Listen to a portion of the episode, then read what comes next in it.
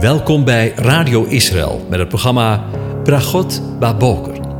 Een kort ochtendprogramma waarin een gedeelte uit de Bijbel wordt gelezen en besproken.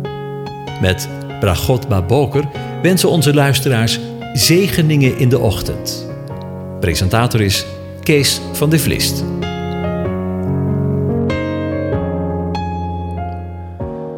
Goedemorgen, Bokatov, beste luisteraars. Vanmorgen willen we een begin maken met na te denken over Psalm 97. En ik lees hem aan je voor.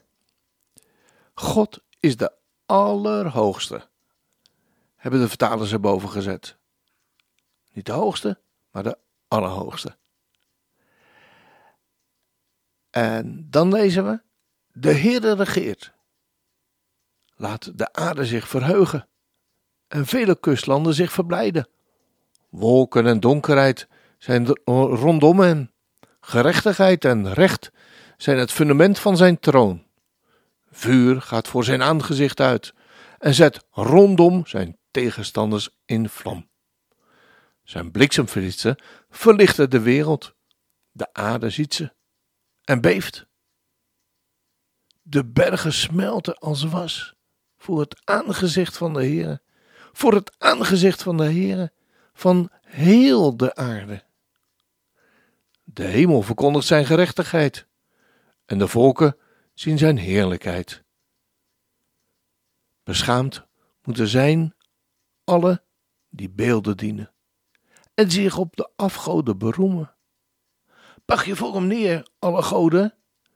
Sion heeft het gehoord en zich verblijd. De dochters van Juda hebben zich verheugd vanwege uw oordelen, heren. Want u, heren, bent de Allerhoogste over de hele aarde. U bent zeer hoog verheven boven alle goden. U, die de Heere lief hebt, haat het kwade. Hij bewaart de ziel van zijn gunstelingen. Hij redt hen uit de hand van de goddelozen. Licht is gezaaid voor de rechtvaardigen en blijdschap voor de oprechter van hart. Rechtvaardige, verblijd je in de Heere. Loof hem ter gedachtenis van zijn heiligheid. Tot zover. Over de regering gesproken. In deze aflevering maken we een begin met het overdenken van Psalm 97. En voor we gaan denken over de inhoud van de psalm, eerst een paar algemene opmerkingen. De schrijver van de psalm die is uh, onbekend, maar de structuur is vergelijkbaar met die van de voorgaande psalmen. En het kan door dezelfde schrijver geschreven zijn. Gezien de inhoud lijkt het niet onwaarschijnlijk dat het is samengesteld met het oog op een overwinning op de vijanden van het Hebreeuwse volk en vooral op afgodendienaars. Maar wanneer dit gebeurde, of en of de psalm zo'n oorsprong had, is niet meer vast te stellen. Maar de schrijver van de Septuaginta beschouwde dit als een psalm van David, toen het land in vrede werd hersteld. De titel in de versie is, in die versie is, door David toen zijn land werd hersteld of in vrede was. Dezelfde titel komt voor in de Latijnse Vulgaat. Het onderwerp van de psalm is de soevereiniteit of de suprematie van de eeuwige en het zichtbaar maken van de rechtvaardigen van zijn volk, Israël. De psalmen 95 tot en met 100 lijken te zijn gecomponeerd met verwijzing naar dezelfde gelegenheid. Eén heel profetisch gedicht. Elke psalm heeft zijn eigen onderwerp, met betrekking tot de vestiging van het koninkrijk van de Messias. Psalm 95 bevestigt de macht van JHWH over de hele natuur en spoort de mensen aan om te dienen, om God te dienen. In die psalm worden alle volken aangespoord uh, om zich bij hem aan te sluiten. Omdat hij komt en de hele mensheid te oordelen. Jood en heiden, zegt Psalm 96. En in Psalm 97 wordt beschreven dat de Heere, JHWH, regeert over de hele wereld. De afgoden zijn verlaten en de rechtvaardige wordt verheerlijkt. En in Psalm 98 heeft JHWH wonderen gedaan en voor zichzelf verlossing verricht. Hij heeft gedacht aan zijn barmhartigheid over het hele huis van Israël. Hij komt om de hele wereld te oordelen. Psalm 99 regeert, in Psalm 99 moet ik zeggen, regeert de eeuwige gezeten tussen de gerubs in Sion over de hele wereld om geprezen te worden voor de rechtvaardigheid van zijn regering. En in Psalm 100 wordt de hele wereld opgeroepen om de eeuwige, de schepper, te loven, wiens genade en waarheid eeuwig zijn. We gaan weer even terug naar Psalm 97. In deze psalm lezen we dat de Heere, JHWH, want we weten niet hoe we zijn naam moeten uitspreken, de eeuwige, oppermachtig is over de hele wereld.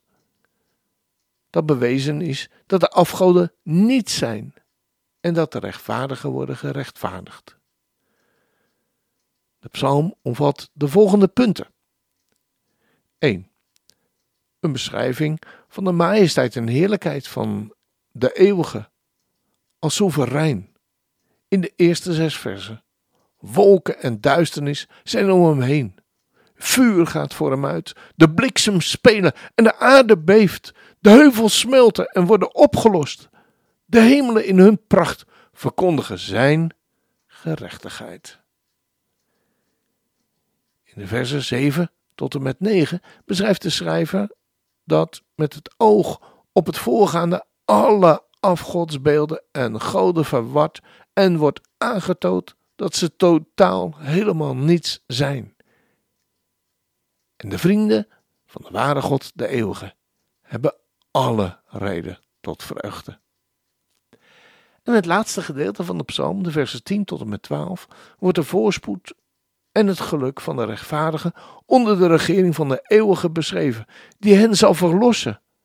Licht wordt voor hen uitgezaaid in duisternis. Blijdschap is hun deel en ze worden opgeroepen om zich te verheugen en te danken bij de herinnering aan zijn heiligheid.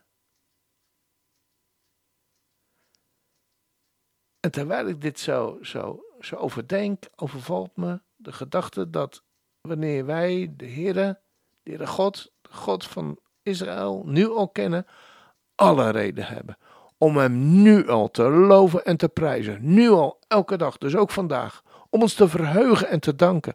Want Hij heeft ons verlost van het hoogste kwaad en gebracht tot het aller, aller, aller, allerhoogste goed. Hij heeft ons verlost de donkerte heeft ons leven reeds plaatsgemaakt voor het licht en blijdschap is ons deel. Ik weet het, ik weet het.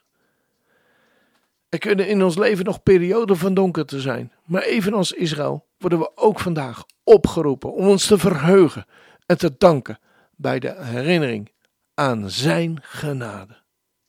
Als dat geen zegen is.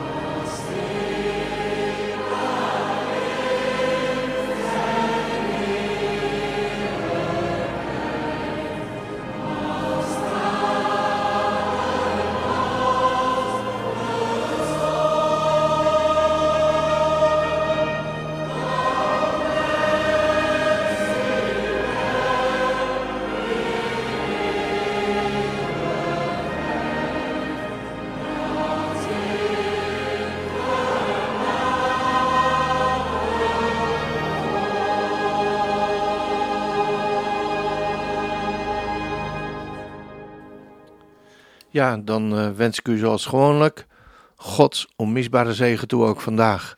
De Heer zegene en hij behoede je. De Heer doet zijn aangezicht over je lichten. En hij zei je genadig. De Heer verheft zijn aangezicht over je en geeft je zijn vrede, zijn shalom. Amen. Amen.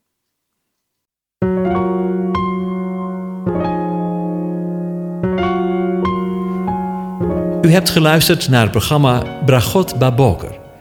Een kort ochtendprogramma waarin een gedeelte uit de Bijbel wordt gelezen en besproken. Wilt u het programma nog eens naluisteren, dan kan dat. Ga naar radioisrael.nl en klik onder het kopje radio op Uitzending gemist.